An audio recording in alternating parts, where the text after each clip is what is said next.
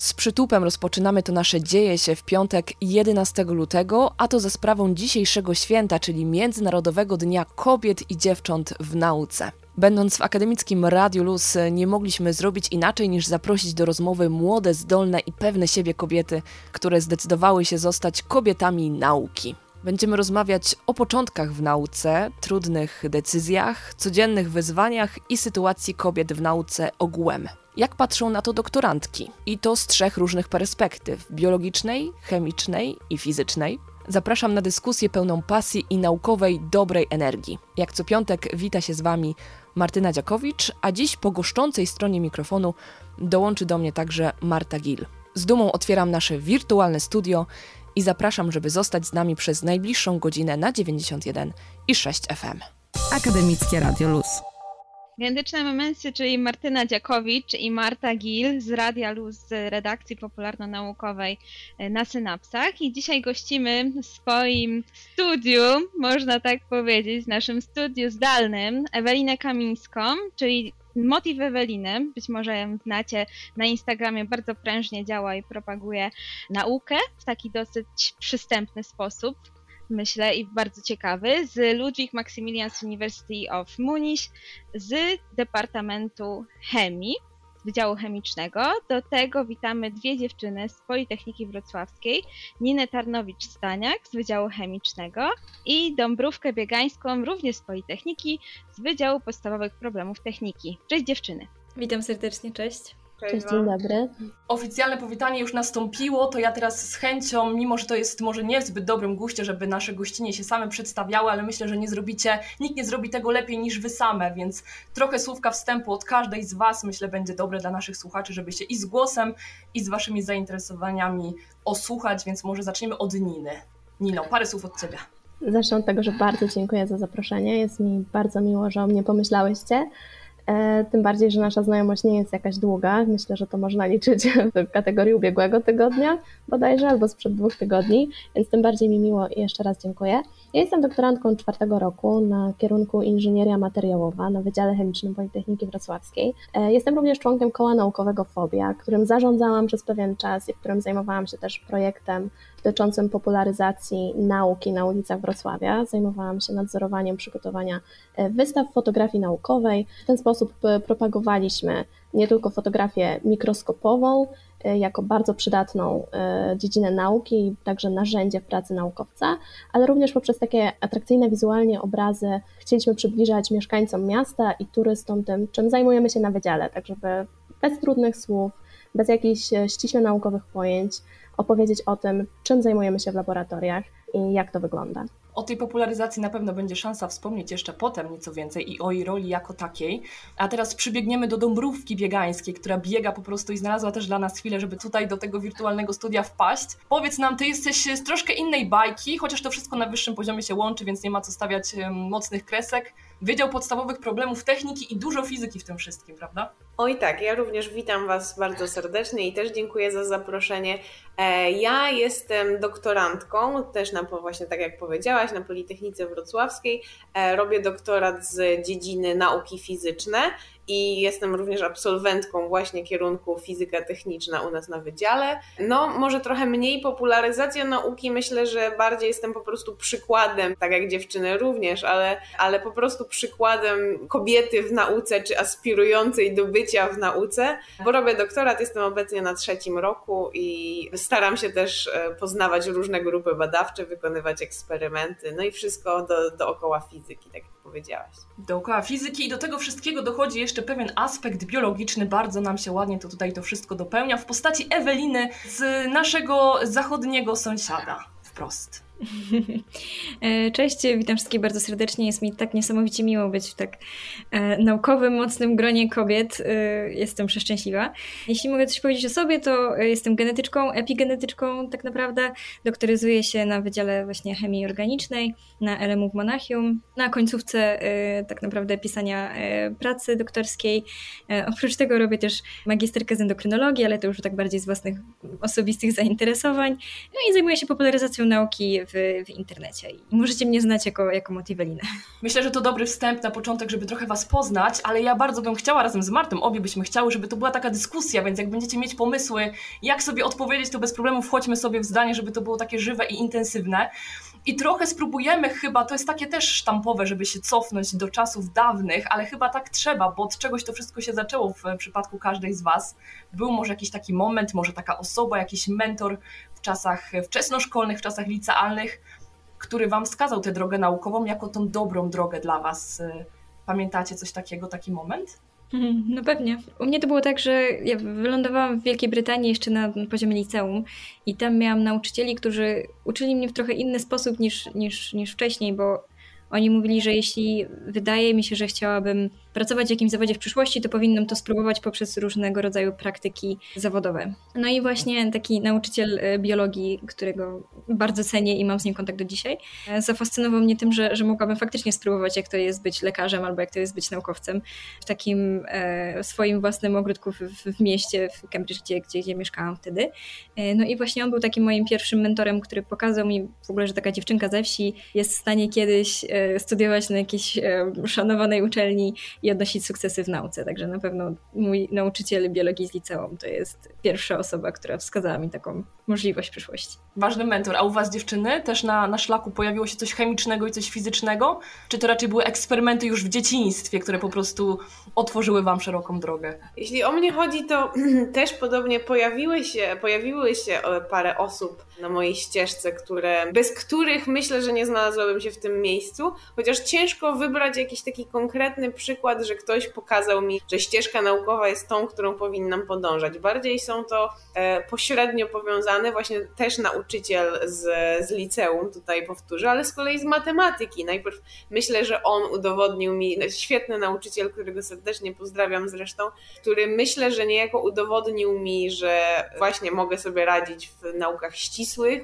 w ogóle, że, że Politechnika to może być dobry wybór. Potem na studiach szereg prowadzących, zwłaszcza właśnie z fizyki ogólnej, ćwiczeniowiec, który zachęcił mnie od samego początku i właśnie w zasadzie chyba jemu zawdzięczam najwięcej, bo już na pierwszym roku, widząc, że radzę sobie całkiem nieźle na zajęciach, zaprowadził mnie do laboratorium i tak w zasadzie cała moja przygoda z, z tą nauką się zaczęła. E, więc faktycznie są to takie pojedyncze osoby. Oczywiście e, to są tylko dwa przykłady. Potem na mojej drodze też się pojawiło wielu, wielu naprawdę fantastycznych, i mój promotor obecny, i, e, i wielu fantastycznych mentorów, ale jesteśmy właśnie sumą tych wszystkich spotkań po kolei. Nie, nie ma jakiegoś takiego jednego, które można wskazać. Nina też kiwa głową, to znaczy, że się zgadza. Tak, tak, jak najbardziej. Ja tutaj nie będę nazbyt oryginalna, ale myślę, że to podkreśla w sumie wagę, jaką ma zawód nauczyciela i to, jak nauczyciele nas kształtują od najwcześniejszych etapów naszego życia. Więc tutaj myślę serdeczny ukłon i uściski w kierunku wszystkich naszych nauczycieli. E, ja również poprzez to, że natrafiłam od po prostu maleńkości od szkoły podstawowej na dobrych dydaktyków, wychowawców, którzy dostrzegali nie tylko kolejnego ucznia, ale osobę z jakimiś indywidualnymi predyspozycjami i potrzebami, byli w stanie mnie kierunkować e, najpierw na to, że zdecydowałam, że skoro rzeczywiście czerpię frajdę z uczenia się, bo to było coś, co, co myślę mnie opisywało e, już w, w młodości, w dzieciństwie. To ukierunkowało mnie na to, że chciałabym na przykład uczyć i poznać ten proces dydaktyczny od drugiej strony.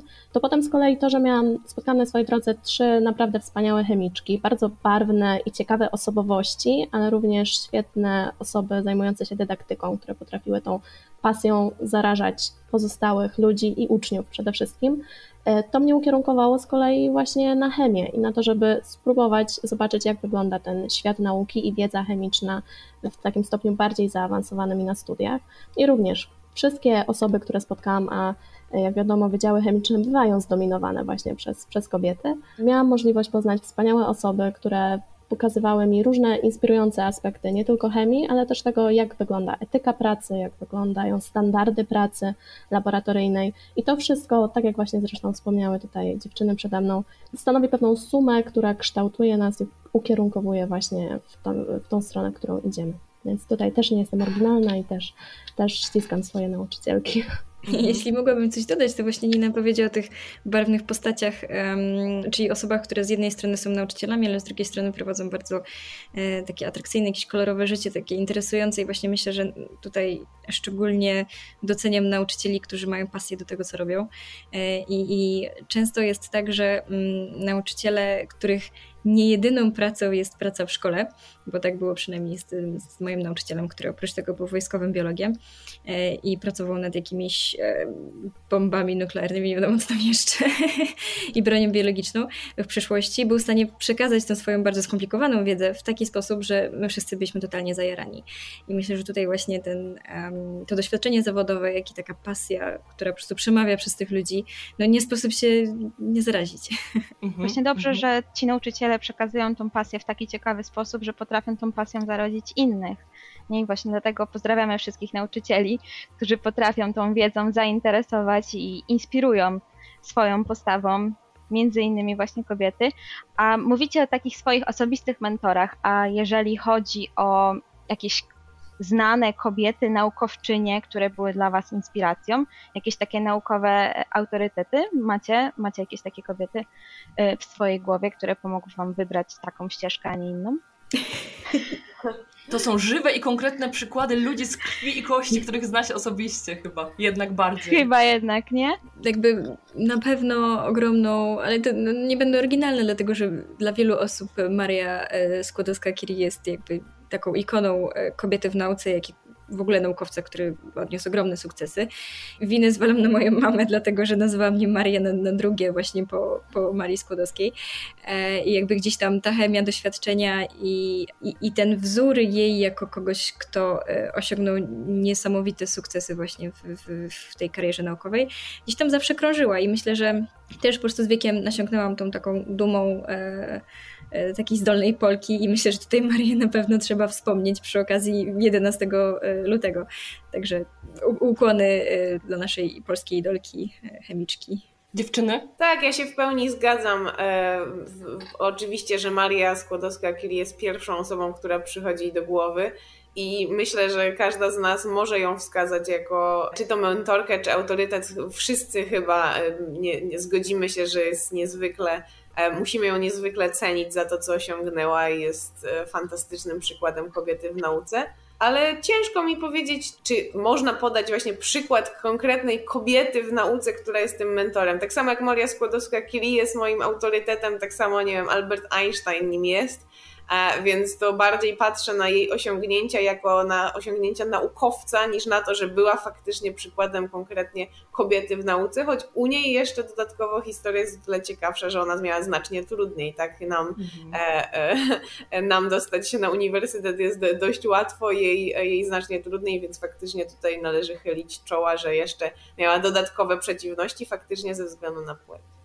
Ja z kolei mam takie bardziej może osobiste e, opory do stawiania piedestałów i wznoszenia e, przeróżnych e, osób czy postaci na nie, ale no jak najbardziej też kiedy się tak zastanawiałam, nieraz mi się zdarzało w życiu po prostu myśleć właśnie, czy jest ktoś, kto dokonał czegoś takiego, co może stanowić pewien motor napędowy również dla mnie. To jak najbardziej Maria Skłodowska-Curie też się przewijała. Natomiast z takiej trochę bliższej e, może przeszłości, a nawet teraźniejszości. Kiedy pracowałam jeszcze nad pracą magisterską, zajmowałam się e, nanocząstkami dla fotowoltaiki organicznej i to był mniej więcej też czas, który pokrywał się z sukcesem pani doktor Olgi Malinkiewicz, e, która zajmuje się perowskitami dla fotowoltaiki i w ogóle jej podejście, jej kariera naukowa, jej prace i to, jak mówi o swoich pomysłach jest również bardzo, bardzo inspirujące. I Tutaj też e, przychylę się do głosu, który był przed chwilą, że e, szukanie właśnie takich inspirujących postaci e, jest istotne i to, co powinno przemawiać i to, co w sumie jest najważniejsze w nauce, to właśnie nauka. To właśnie mniejsza o to, kto to mówi, ale co mówi i jak mówi, ale warto też ćwiczyć w sobie takie krytyczne myślenie i nie bać się może też czasami e, kwestionować różnych spraw, albo nawet nie tyle kwestionować, co pytać, drążyć, zastanawiać się, nie podążać utartymi ścieżkami. To mi się tak właśnie też zawsze nasuwa przy okazji rozmów o, o jakichś autorytetach i o tym, że ci ludzie też nie podążali jakąś prostą i jasno wyznaczoną gdzieś wcześniej drogą, tylko nie bali się podejmować e, właśnie różnego rodzaju wyzwań, czy stawać, stawiać czoła trudnościom, które napotykali. To są punkty, które też powinniśmy właśnie uświadamiać ludziom, może nie związanym na co dzień z nauką tak stricte, że to właśnie też są ludzie, że wszyscy ludzie, którzy zajmują się nauką, są ludźmi i mają swoje um, gorsze momenty, lepsze momenty, różnie to bywa na drodze. A jak mówimy o drodze właśnie, to też takie pytanie nam przyszło razem z Martą do głowy. Czy wy lubicie to określenie kariera naukowa? Czy wolicie ścieżka, powołanie, jakaś droga, którą, na którą się zdecydowałyście? Czy to kariera jest zbyt szumna? Jak na to patrzycie? Czy wręcz przeciwnie, czy was satysfakcjonuje, jak ktoś mówi, wow, podjęłaś karierę naukową, szacun? Ja myślę, że dlatego, że przebywałam za granicą w kraju anglojęzycznym, to ta kariera jakby utożsamiałam to po prostu z wyborem ścieżki e, jakiejś takiej zawodowej. Nie nadawałam temu jakiegoś e, szczególnego znaczenia, ale chętnie posłucham, co dziewczyny mają do powiedzenia właśnie na ten temat. No, nie zdarzało się słyszeć właśnie takie wow, robisz doktorat, to na pewno super. No co moja typowa odpowiedź jest taka, że pomimo, że to są wciąż studia, to jednak ja to traktuję jako pracę i przynajmniej postrzegam też jako pewien etap dopiero na drodze takiej ścieżki zawodowej, jaką jest bycie naukowcem, ale zawsze staram się podkreślać, że to tak naprawdę jest praca jak każda inna. Tak jak każda inna praca ma swój etos, ma swoje obowiązki, ma swoje zobowiązania społeczne ma na pewno jakiś prestiż, który wokół niej narósł na przestrzeni, na przestrzeni lat, ale jest to praca taka jak każda inna i można mieć do niej predyspozycje lepsze bądź gorsze. Naukowcy są wybitni, są też naukowcy zupełnie przeciętni i nie ma w tym nic złego, ponieważ e, chodzi o to, że każdy pracuje na tym poletku tak jak umie, tak jak może i przynajmniej zawsze właśnie w rozmowach ze znajomymi czy rodziną staram się podkreślać, że nie ma co tworzyć wokół tego żadnej mitologii, jest to jeden z bardzo, jedna z możliwych ścieżek kariery. Jedna z możliwych, które można podjąć i na których można się rozwijać w wszelaki sposób. Tak, ja się zgodzę zdecydowanie, że e, właśnie ten tak zwany efekt wow, o którym wspomniałaś, zawsze jest tym bardziej, no nie ukrywam, jak ktoś zapyta, e, czym się zajmuje i podpowiedź pada, że robię doktorat i to z fizyki, to, e, to z reguły ten, ludzie są zarówno zaskoczeni, jak i właśnie mają wizję czegoś takiego nieosiągalnego niemalże dla, dla przeciętnego zjadacza chleba, to na co ja tak samo jak ty staram się tłumaczyć, że nie jest to wcale nic aż tak e, aż tak nieosiągalnego. Jeśli chodzi o, o samo określenie kariera naukowa, ja nie ukrywam, jest mi ono zupełnie obojętne. W sensie uważam, że to tak w języku polskim po prostu wyewoluowało takie, um, takie stwierdzenie, tak samo jak mówimy o różnych innych zawodach, właśnie jakaś, nie wiem, ścieżka, kariera jakakolwiek inna. Ja przyzwyczaiłam się do tego, że jest ono używane, nigdy nie zastanawiałam się głębiej na temat tego, czy lubię, aby, aby tak było określane, aby tak była określana moja droga, czy nie. E, myślę, że po prostu jest to takie utarte stwierdzenie i nie ma co, nie ma co się za bardzo ani przywiązywać, ani, ani walczyć z określeniem kariera tutaj. E, to jest dobry moment chyba myślę, żeby przejść trochę do kolejnego etapu naszej rozmowy.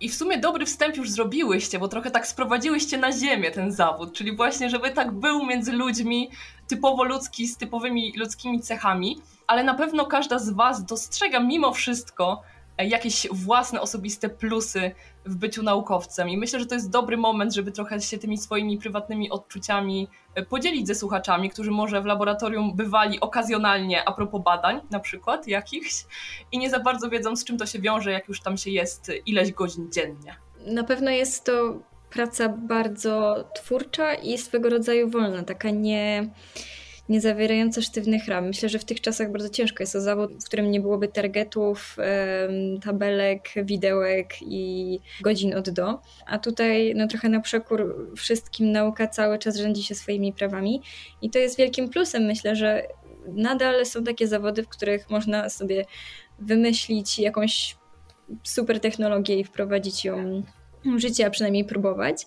E, no i to też jest zawód, w którym niekoniecznie trzeba gwarantować sukces na koniec, wystarczy próbować i za to już się jest docenianym. I myślę, że tutaj to są ogromne plusy e, i nie można, znaczy nie jest tak łatwo znaleźć e, podobnego rodzaju zawód gdzie indziej.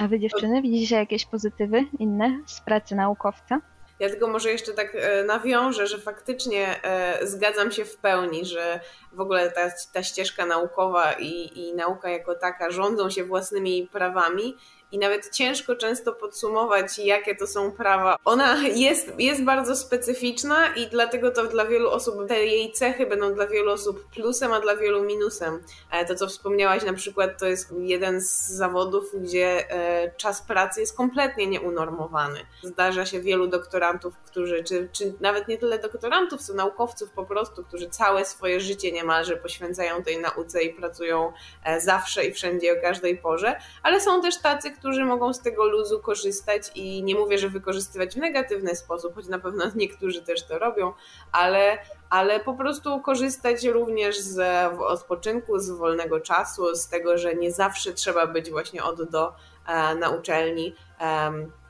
Więc dla niektórych będzie to ogromny plus, ale dla niektórych ogromny minus. Dla niektórych taki właśnie unormowany czas pracy jest niezwykle ważny i cenny. Jeśli chodzi o te, e, o te pozytywy, no to to mówię, to każdy musi ocenić, jeśli chodzi o, o czasy, to jak nauka wygląda. Dla mnie myślę największym pozytywem i to w ogóle dla, dlaczego wybrałam tę ścieżkę jest to, że ja kocham odkrywać rzeczywistość, kocham odkrywać świat i mnie po prostu nauka interesuje i pasjonuje. No to cóż, żebym mogła robić, jak nie e, odkrywać ją bardziej i właśnie podążać tą ścieżką. To myślę, że jest największy pozytyw, motywacja i to potem jak praca wygląda, to już są technikalia, każda i każdy inny zawód ma plus plusy i minusy, w każdym możemy znaleźć jakieś dobre i złe strony. A to jest po prostu największy plus, to jest zarazem dlaczego myślę, że większość z nas dlaczego wybiera tę ścieżkę. To ja myślę, że jestem zupełnie między swoimi dziewczynami. Jak na razie wszystko nam się po prostu tutaj pokrywa, kolejne punkty się odhaczają. E, dokładnie tak jak dziewczyny wspomniały, ta elastyczność i ta taka nieszablonowość tej pracy to są na pewno dwa olbrzymie atuty. Możliwość kreowania swojego środowiska pracy, czyli tego, nad czym się pracuje, może bardziej z, tej strony, pod swoje potrzeby, pod swoje zainteresowania, pod to, czego chce się szukać, jakie pytania się zadaje, jakie pytania nas nurtują. To wszystko jest bardzo ważne, ale tak jak powiedziała Dąbrówka, to może być dla kogoś wręcz minus, ponieważ przychodzi się czasami do tej pracy z poczuciem takiej niepewności. Ja nie wiem, co dzisiaj się wydarzy, ja nie wiem, co się wydarzy za tydzień, gdzie mnie to zaprowadzi.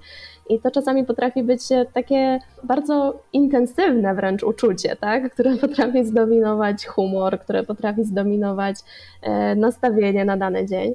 Słyszałam właśnie osoby, które cenią sobie to, że mogą przyjść na przykład popracować czasami późnym wieczorem, kiedy już sprzęt jest wolny, bo na przykład zazwyczaj jest dość duże obciążenie w laboratorium, mnóstwo osób chciałoby z niego skorzystać, a inne osoby twierdzą, że nie, ja wolałbym popracować tylko 8 godzin i przynajmniej wiem, że wykonałem swoją pracę, mogę spokojnie, spokojnie iść do domu. Więc to są takie aspekty, które w zależności od punktu widzenia mogą być plusem lub minusem. Mnie się jeszcze dodatkowo wydaje, że przynajmniej ja mogę mówić z takiej perspektywy tej nauki, która jest niejako sprzężona z publicznym szkolnictwem wyższym, bo myślę, że praca naukowca w prywatnej firmie, w dziale badań i rozwoju, czy w prywatnym instytucie badawczym będzie wyglądała zupełnie inaczej, będzie nacechowana jednak w trochę, w trochę innym stosunku tymi wszystkimi elementami. Może też być o wiele bardziej usystematyzowana pod tym względem. Natomiast Myślę, że my mamy też stosunkowo dobry system finansowania projektów naukowych i to jest coś, co usłyszałam często od osób e, z zagranicy, na przykład e, od znajomych z Hiszpanii, którzy na przykład nie mają aż takiej swobody w formułowaniu swoich projektów naukowych, ponieważ e, nie mają tylu możliwych źródeł ich sfinansowania i bardzo często pracują w instytucie i ich projekt, to co ich tak naprawdę interesuje, to jest jakaś praca zupełnie poboczna, ponieważ dla instytutu na przykład ważniejszy jest inny temat naukowy i chcieliby, żeby te osoby pracowały nad innymi projektami. My natomiast, oczywiście cały czas tu dochodzi ten element konkurencji o te środki publiczne, które na te badania są przeznaczane, co jest zupełnie odrębnym aspektem, ale wciąż mamy pewną swobodę kreowania tej swojej naukowej rzeczywistości. Czyli można powiedzieć, że nie ma tutaj takiej rutyny, tak? Tylko cały czas ten świat naukowy i ta praca w nauce tak naprawdę jest bardzo dynamiczna i cały czas możemy się w niej rozwijać i to jest chyba największym plusem tego. A macie coś takiego w pracy naukowej, skoro już mówimy o tym, że to nie jest rutyna, to nie jest zwyczajna praca od 9 do 17 w biurze, tylko może zajmować na przykład cały dzień y, i trwać bardzo długo, to macie coś takiego, co was z tej pracy nakręca do działania? Macie jakieś takie swoje przyzwyczajenia w laboratorium, w pracy naukowej, które was nakręcają właśnie do działania? Pozytywne wyniki eksperymentów. Zawsze pożądane, zawsze pożądane. Dokładnie. A tak na co dzień to, to jakby cały doktorat nauczył mnie tego, że że powinnam jednak o siebie dbać i nie mogę pracować od rana do wieczora, bo kiedyś ten zapał do pracy się kończy, motywacja i generalnie taka energia życiowa. I to, czego w trochę trudny sposób nauczyłam się właśnie dzięki, dzięki tym semestrom spędzonym w labie, to to, że żeby dawać sobie na luz i żeby dbać o jakiś taki work-life balance i na pewno jakieś takie krótkie przerwy, wyjście na spacer, yoga czy bieganie, coś w tym stylu po, pozwala mi wrócić do labu, spojrzeć na pipety i uznać, ok, zrobię to jeszcze raz, chociaż 10 tysięcy razy już nie wyszło, ale może, że za tym 10 tysięcznym pierwszym wyjdzie. To jest myślę też tak. szalenie ciekawe, bo coraz więcej się o tym mówi właśnie, o tym w ogóle w przestrzeni publicznej, że trzeba dbać o swój komfort psychiczny w jakiejkolwiek pracy, nie tylko w pracy naukowej ale ja jestem ciekawa, czy wy potraficie się pozbyć, bo ja to dobrze pamiętam, Marta, może też ze swojej praktyki jeszcze studenckiej, magisterskiej, to wrażenie, że ten problem badawczy cały czas z tobą jest bez względu na to, co robisz, czy jesteś w domu, czy gotujesz, to gdzieś cały czas siedzi ci w głowie. Kiedy masz tą pracę od do, kiedy możesz wyjść z biura, zamykasz to wszystko i sporo ludzi mówi, że dla tej sfery jest w stanie zrobić wszystko właśnie, żeby mieć wolny umysł po pracy. Jak wy sobie z tym radzicie? Powiedzcie nam. No to jest ciężki kawałek chleba, że tak ciężki. powiem. To jest akurat ciężki, ciężki taki aspekt i to, to, to jak wszystko wymaga wprawy. Trzeba znaleźć sobie właśnie to, co nas odpręża, to, co sprawia, że głowa potrafi się oderwać od myślenia o tematach, które z niej nie chcą zupełnie wyjść. Mnie na przykład osobiście pomaga rozmowa y, ze znajomymi doktorantami, czyli z osobami, które dobrze rozumieją, przez co przechodzę, które mają takie same trudności, takie same zmartwienia często. Bardzo dobrze zrozumieją, że po prostu potrzebuję się wygadać. Ja mam świadomość, że dokładnie wiedzą o co mi chodzi i y, to też bardzo pomaga, taki jako wentyl bezpieczeństwa. Więc jak najbardziej rozmowa, wypracowanie sobie własnych, własnych takich, takich mechanizmów jest po prostu, po prostu konieczne, chociaż też nie powiem, sporo frajdy mam wtedy, kiedy w najbardziej niespodziewanym momencie na zakupach, przygotowaniu obiadu czy, czy pieczeniu ciasta nagle wpadam po prostu na cudowne rozwiązanie, które, które, o którym nie pomyślałam tak zwana, wcześniej. Tak? tak, tak. I tak sobie wtedy powtarzam, jakim cudem nie pomyślałam o tym wcześniej. To jest najbardziej oczywista rzecz we wszechświecie, żeby zrobić to właśnie w ten czy inny sposób. Więc to też są takie fajne, fajne momenty funkcjonowania. Nina, high five, ja mam tak pod prysznicem zawsze. Tak, ja tu teraz z kolei ja powtórzę, że widzę, że jestem między swoimi dziewczynami, bo też w zasadzie mogę powtórzyć za wami dokładnie za Ewaliną, że myślę, że to dbanie o taki, teraz to już jest bardzo popularne hasło, ale jednak dbanie o ten work-life balance jest niezwykle istotne każdej pracy, a właśnie w naszej, ze względu na to, że jest to tak bardzo nieunormowana i nie, nieokreślona żadnymi ramami, właśnie chociażby czasowymi ścieżka, to myślę, że jest to szczególnie ważne, żeby właśnie odetchnąć, żeby mieć coś poza uczelnią, żeby mieć zainteresowania poza uczelnią, żeby właśnie oderwać myśli bardzo często, nadawać sobie jakieś ramy jednak tej nieunormowanej pracy, bo jest to po prostu nie, niezbędne dla i zdrowia psychicznego, ale też właśnie tu z kolei powtórzę, że e, myślę, że nie tylko dla zdrowia psychicznego, ale też dla dobrych wyników, no bo właśnie często w czasie tej jogi, czy w czasie tego biegania, czy w czasie dowolnym, tak jak mówisz, nawet pod prysznicem, jak nie myślimy o, o tej pracy wcale, to właśnie wtedy nagle przyjdą nam do głowy świetne rozwiązania, bo po prostu głowa musi też odpocząć, więc myślę, że tu każda z nas i każdy z nas jakoś musi wypracować sobie system dla siebie i dla każdego będzie to znaczyć trochę co innego. I jednym z takich plusów, e, myślę, że przyznacie mi rację, zobaczymy, jest hartowanie ducha, mam wrażenie, bo sporo się mówi o osiągnięciach naukowców w momencie, kiedy coś osiąga mm, światło dzienne, wygląda na światło dzienne, czyli jakieś badania, spektakularne rzeczy, znakomite publikacje, które się ukazują i wtedy wszystkie media mniej albo bardziej zainteresowane nauką o tym mówią. A na co dzień praca naukowca to są takie właśnie małe zmagania i częste upadki. I trzeba sobie z tymi upadkami jakoś na co dzień radzić i nie poddawać się, wstawać codziennie i, i zaczynać na nowo. Myślę, że małe zmagania to spore niedopowiedzenie w tej kwestii i pewnie dziewczyny się ze mną zgodzą. Niestety o tym się mówi bardzo mało, że praca naukowa faktycznie bywa tak, że e, prezentowana jest 1% bądź nawet mniej badań, które się realizuje, wyników, które się osiąga, zdecydowana większość czasu, czy to w czasie doktoratu, czy potem, to są właśnie zmagania, próby, nieudane często eksperymenty, czy w ogóle no, no praca jako taka, ustawianie tych eksperymentów. Ja mówię z perspektywy właśnie e, doświadczalnika, ale to oczywiście, jeśli ktoś e, zajmuje się bardziej teoretyczną stroną, jest to samo. I jest to trudne na pewno. Co więcej, świat naukowy e, jest dość brutalny, bo czasami wydawałoby się, że te tak zwane negatywne wyniki, czyli to, że coś nie wyszło, powinno być tak samo istotne dla świata nauki, jak to, że coś wyszło, a niestety w rzeczywistość nie jest taka różowa i nie zawsze tak to wygląda. Więc bywa to i stresujące, i frustrujące, i wiele osób nie zdaje sobie z tego sprawy przed rozpoczęciem tej ścieżki, i to ich najbardziej potem de demotywuje, czy wręcz od, odstrasza. Często ze względu na to wszystko rezygnują z tej ścieżki naukowej. Na pewno nie jest to dla każdego i jest wiele też ciemnych stron. Tak, zdecydowanie. I myślę, że tutaj też jest trochę problem z mentalnością. Może niekoniecznie Polaków, ale po prostu wielu z nas, że obojętnie w jakim miejscu na świecie jesteśmy, że my jesteśmy scentralizowani i tacy skoncentrowani na, na wynikach. I to wydaje mi się, że to nam zostało zaszczepione jeszcze gdzieś tam w szkole podstawowej, jak wszyscy walczyli o te piątki czy plusiki. No i wychodzi na to, że my im starsi jesteśmy, tym um, po prostu te, te oceny zmieniają się w jakieś takie inne cele, ale jakby cały czas do nich dążymy. I próbując robić jakiś eksperyment, już czekamy na ten wynik, jaki on będzie. I mamy nadzieję, że ten wynik coś przyniesie. A najczęściej jest to wynik, który zostawia jeszcze więcej pytań niż odpowiedzi generalnie.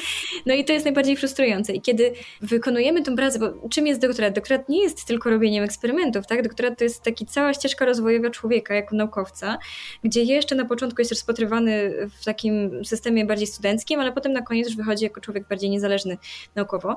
I, i myślę, że to, nad czym powinniśmy się skupić również na doktoratach, to, to jest właśnie taki, taki samorozwój i zastanawianie się, dlaczego ja zaczynam robić ten eksperyment, bo właśnie nie po to, żeby otrzymać ten wynik, tylko po to, żeby być jakby o jeden krok dalej mm, do tego swojego um, ostatecznego pytania, które kiedyś zadamy, bo, bo to pytanie na samym początku nigdy nie, nie, nie jest właściwe.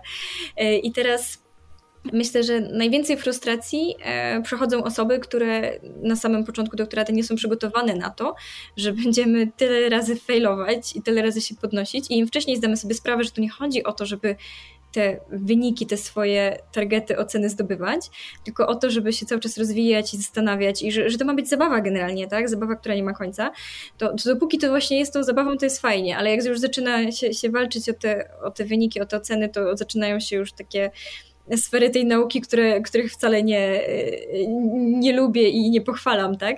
E, I, I właśnie myślę, że tutaj dużo naukowców powinno nadal traktować naukę jako, jako po prostu dobrą zabawę przez całe życie. Ja tutaj nawiążę do tego doktoratu, że to jest rzeczywiście taka prawdziwa szkoła charakteru, szkoła życia, a chyba największym eksperymentem, albo raczej obiektem, który podlega eksperymentowi, jesteśmy my sami. Mamy możliwość przetestować przeróżne swoje cechy i umiejętności w naprawdę ostrych warunkach, wysokie temperatury i chyba jeszcze wyższe ciśnienia, właśnie chociażby na wyniki, na postępy, na sukcesy. E, I pytanie, jacy my z tego wyjdziemy? Co będzie tym końcowym, końcowym efektem? Jaka będzie nasza wydajność po tym wszystkim jako, jako ludzi? Czego dowiedzieliśmy się o sobie sami? I to też nie jest żaden wstyd, jeżeli ktoś po doktoracie stwierdzi, że to po prostu nie jest praca dla niego. Trzeba tu podkreślać, że najważniejsze, żeby znaleźć taką ścieżkę i takie miejsce w pracy, pracy, w którym człowiek będzie czuł, że się spełnia i że, i że może realizować swoje, swoje ambicje. Tylko dlatego, że się zaczęło doktorat, również nie znaczy, że należy go skończyć, chociaż jak, jak najbardziej, jeżeli słuchają nas jacyś doktoranci, nie wątpcie się w siebie, bądźcie dalej chętni do, do pracy i myślę, że wiecie teraz, że nie przeżywacie tego sami, przeżywamy to wszyscy, wszyscy grupowo. Może za mało o tym rozmawiamy między sobą. Ja często porównuję sam proces studiowania, co za tym idzie też doktoratu, do takiej reklamy z różowymi króliczkami, które są na baterie i niektórzy mają te baterie po prostu trochę silniejsze, niektórzy trochę słabsze, grunt, żeby wiedzieć, jakie ewentualnie podładować i, i, i dalej biec do przodu. Ale tutaj nam fajne przesłanie wyszło do, wszystkich doktorantów i myślę też, że do wszystkich, którzy zastanawiają nad karierą naukową. Ja jeszcze się podzielę też taką swoją obserwacją. Nie pamiętam, co to był za autor, ale na YouTubie można znaleźć mnóstwo poradników i prezentacji właśnie, kto powinien zacząć doktorat, w jakim momencie powinien zacząć ten doktorat. I ten prezenter pokazał nam taką piramidę, trochę odwrócił to wszystko, jak my na to patrzymy, bo my często myślimy w czasach, kiedy mamy właśnie bardzo dużo magistrów w środowisku, że posiadanie doktoratu to jest ten szczytowy etap kariery, powiedzmy właśnie, w nawiązaniu tej kariery wcześniejszej, że to jest coś po prostu absolutnego, pożądanego, że jak się ma ten doktorat, to już po prostu jest się Bogiem i, i można dalej przez życie z podniesioną głową iść.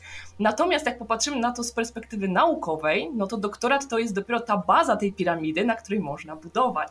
I myślę, że to dla wielu widzów było dosyć spore zaskoczenie i myślę, że dało do, do myślenia. Zgadzacie się z takim podejściem do tematu w ten sposób właśnie? Tak, punkt widzenia zależy zdecydowanie od punktu siedzenia.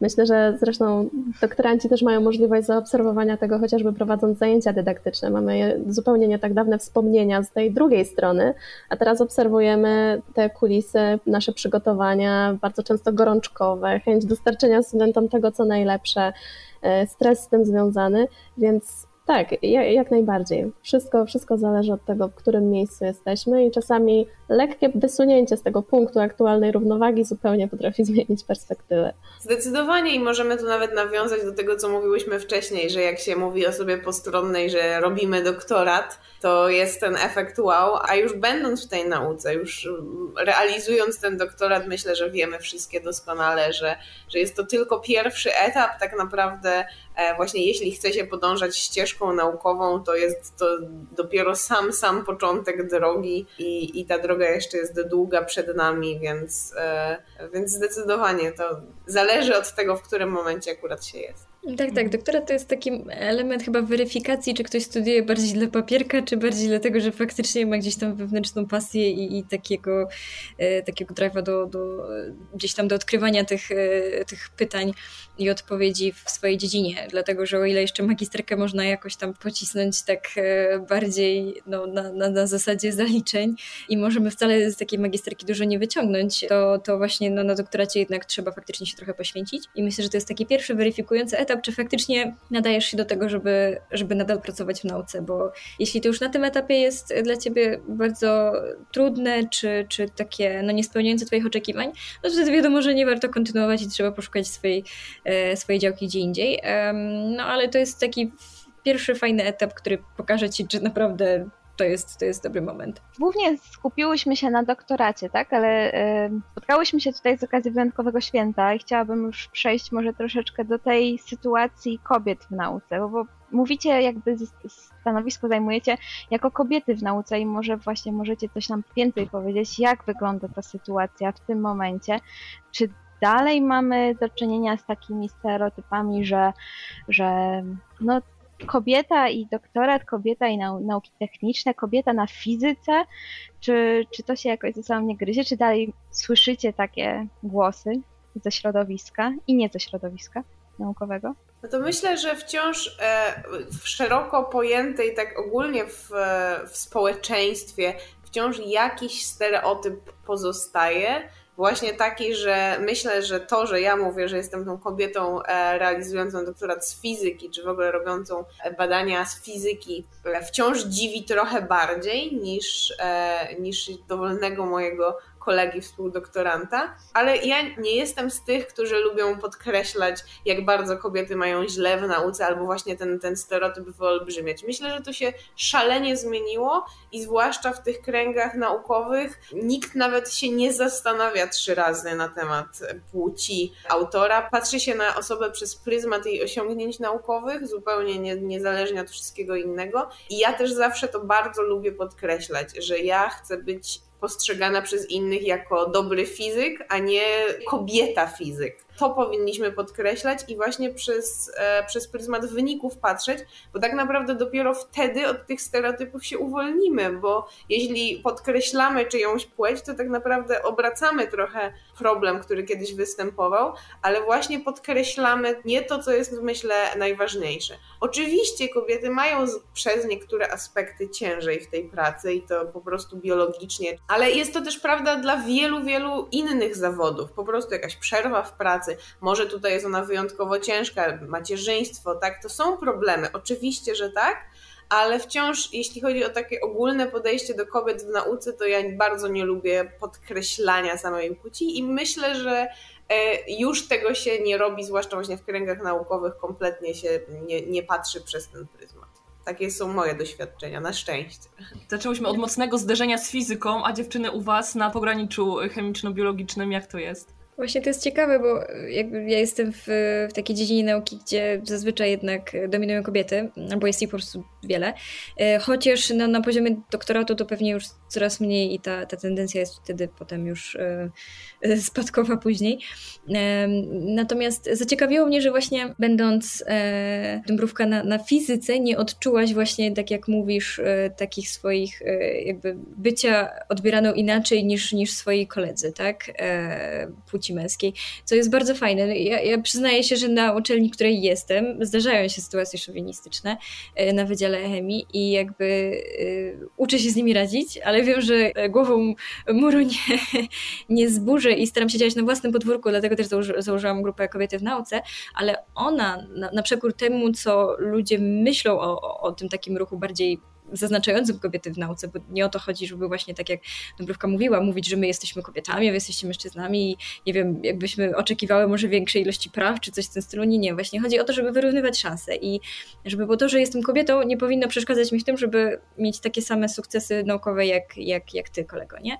I mm, ta grupa została założona po to, żeby mm, uwidaczniać pokazywać kobietom, jakich kompetencji nam brakuje jako kobietom, żeby na równi konkurować z mężczyznami o te same e, pozycje naukowe, o te same granty, bo okazuje się, że nie do końca problem jest taki biologiczny w płci, tylko może w tym, że e, mężczyźni wiedzą, e, gdzie pozyskiwać jakie zasoby, a kobiety może nie do końca i powinny sobie bardziej może to w grupie uświadomić czy, czy wypracować. I dzięki temu właśnie ta, ta grupa dość prężnie działa, bo my uświadamiamy sobie, że okej, okay, może mamy problem generalnie w porównaniu do mężczyzn, że trochę gorzej nam wychodzi mówienie przed publicznością, to czemu nie zapisać się na warsztat, dzięki któremu dowiemy się, jakie są techniki mówienia przed publicznością i jakie są techniki np. radzenia sobie z stresem czy, czy z emocjami, mm, niż oczekiwanie, że ktoś będzie na przykład tolerował nasze e, dość mierne występy przed publicznością, jeśli, jeśli o to chodzi. Mam nadzieję, że nie, nie, nie, nie powiedziałam tego zbyt skomplikowanym, zbyt skomplikowanym sposobem.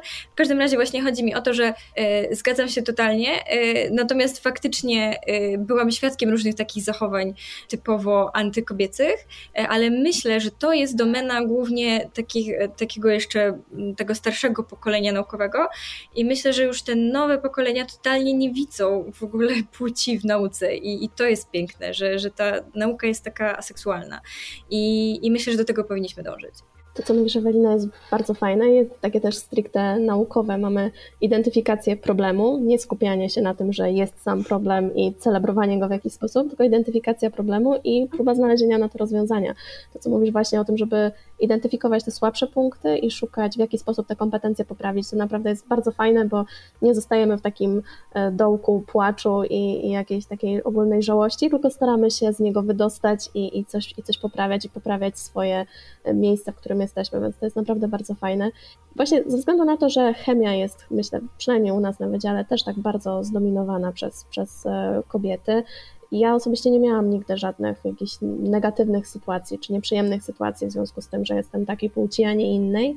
I podobnie zresztą tak jak mówiły moje przedmówczynie, chciałabym, żeby za mnie mówiła moja praca, moje wyniki, to mój charakter, a bardziej niż, niż moja płeć. Stąd właśnie nie widzę potrzeby podkreślania tego w żaden sposób, jakiegoś oddzielania się od, od swoich kolegów, że potrzebuję odrębnych e, terminów e, słownych na to, że chociaż akurat chemiczka istnieje i jest normalnie stosowane, ale na przykład dla mnie pojęcie naukowiec jest zupełnie normalnym pojęciem i czuję się tak samo naukowcem jak moi koledzy, mimo że nawet forma może wskazywać na to, że jest to słowo rodzaju męskiego, ale nie widzę na przykład osobiście żadnej potrzeby wyróżniania się, jak jakoś, czy odróżniania od nich. I myślę, że to jest też fajne, bo ten termin jest bardzo równościowy. Termin naukowiec jest bardzo równościowy, ponieważ obejmuje zarówno mężczyzn, jak i kobiety i myślę, że właśnie przede wszystkim w tym, w tym młodym pokoleniu jest to, jest to jeszcze bardziej wyraźne. Szalenie się cieszę dziewczyny z tej jednomyślności i z tej takiej pewności siebie, która z was bije. I chodzi o to, żeby walczyć właśnie o konkretne rzeczy, o równość, o sprawiedliwość, o to, żeby nas traktowano ze względu na nasze umiejętności, naszą wiedzę,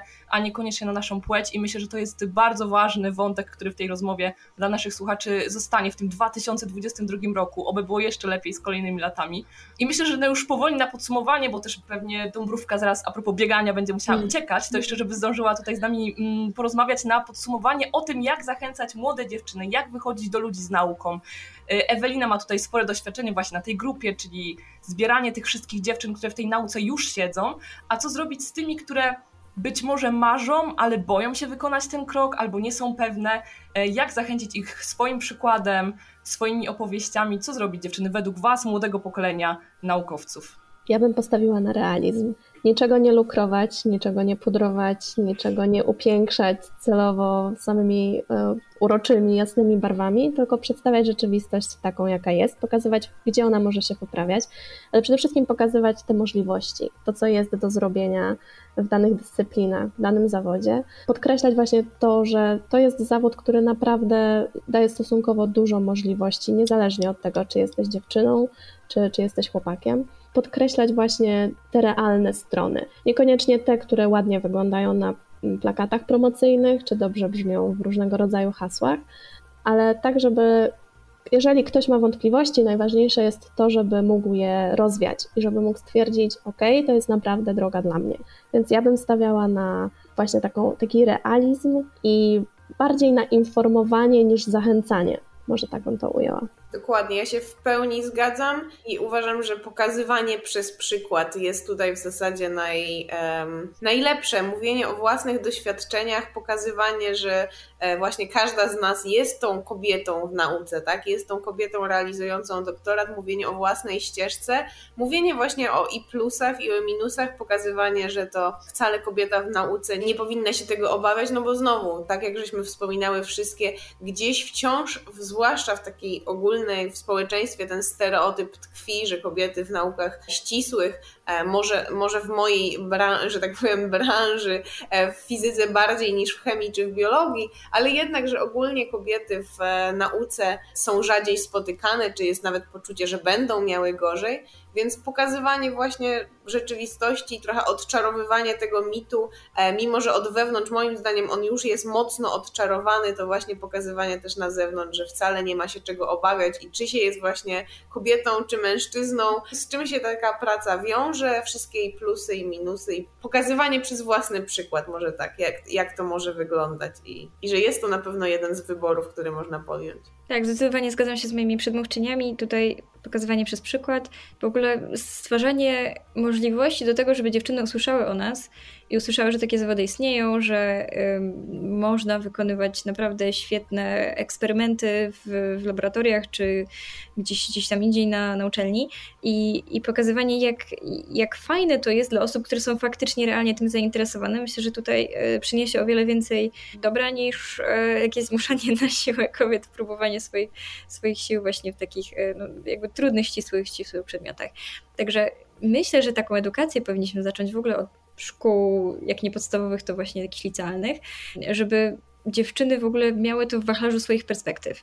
A później co one z tym zrobią, no to to już jest ich wybór, ale właśnie zaznaczanie, że oprócz zawodów lekarza jest na przykład zawód naukowca, tak? Aczkolwiek tutaj e, nie, nie muszę powiedzieć, że po prostu uwielbiam słowo naukowczyni i ono mi tak pięknie po polsku brzmi, że je faktycznie używam jako feminatyw, e, ale nie ma to e, moim zdaniem na, jakby nacechowania, wyróżnienia nas, że nie wiem, jesteśmy lepsze od mężczyzn, czy coś w tym stylu, po prostu fajnie to brzmi i jakby zaznacza, że kobiety też mogą być naukowcami co też fajnie pokazuje, że mamy teoretycznie takie samo zdanie na ten sam temat, ale faktycznie inaczej nim się, nim się posługujemy, mm, co jest super, bo, bo właśnie w nauce chodzi o tą różnorodność e, i wymianę opinii.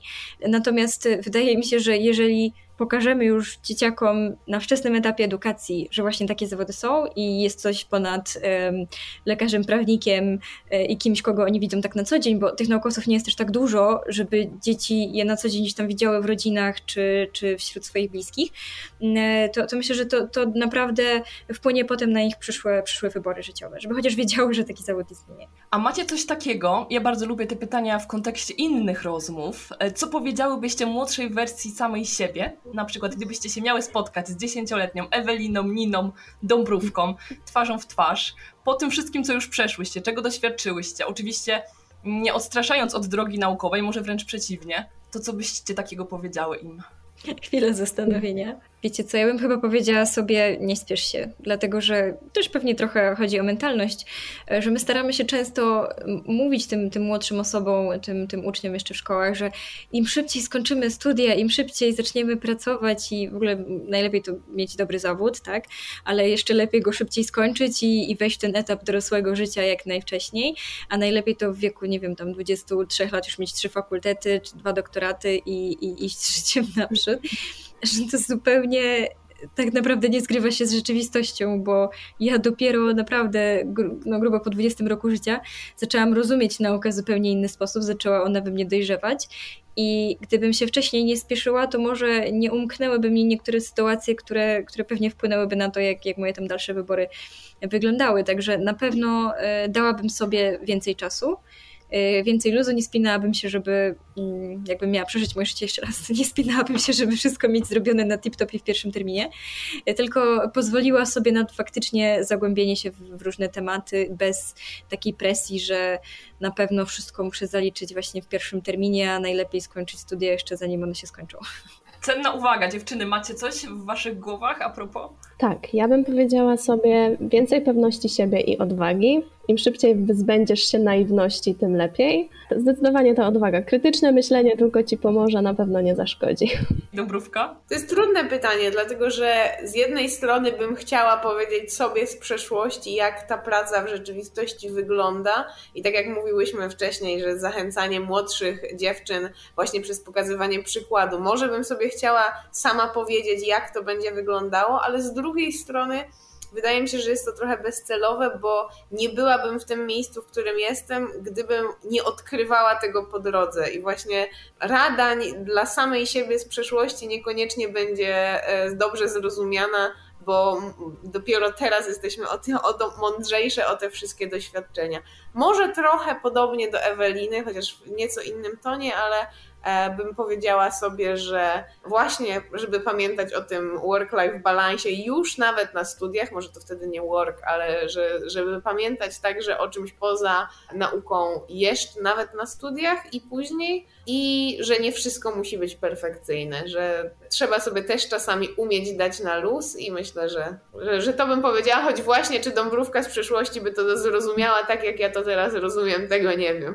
Dać na luz, słuchajcie dziewczyny, myślę, że to jest idealna puenta na podsumowanie tej naszej dzisiejszej rozmowy. Miało być o popularyzacji, ale ponieważ to jest tak bliski nam wątek, że myślę, że on zasługuje na osobną rozmowę, więc z chęcią zaprosimy Was ponownie w związku z inną audycją, a na razie zostawimy takie otwarte drzwi naszym słuchaczom, żeby po prostu przemyśleli sobie to wszystko, co zostało tutaj powiedziane, pocieszyli się tym, przesłuchali sobie na spokojnie, zobaczyli, jakie znakomite młode kobiety mamy w nauce e, i kibicowali Wam mocno. My oczywiście trzymamy kciuki na tych ostatnich prostych, życzymy dużo sukcesów, odbierania słusznych lekcji z tych porażek, które też będą się na pewno po drodze przytrafiać, ale wszystko do tego, żeby być jeszcze lepszym naukowcem i jeszcze lepszym człowiekiem. Więc dzięki Wam bardzo. Podsumowujemy, kto był z nami. Ewelina Kamińska, dziękuję bardzo. Dzięki.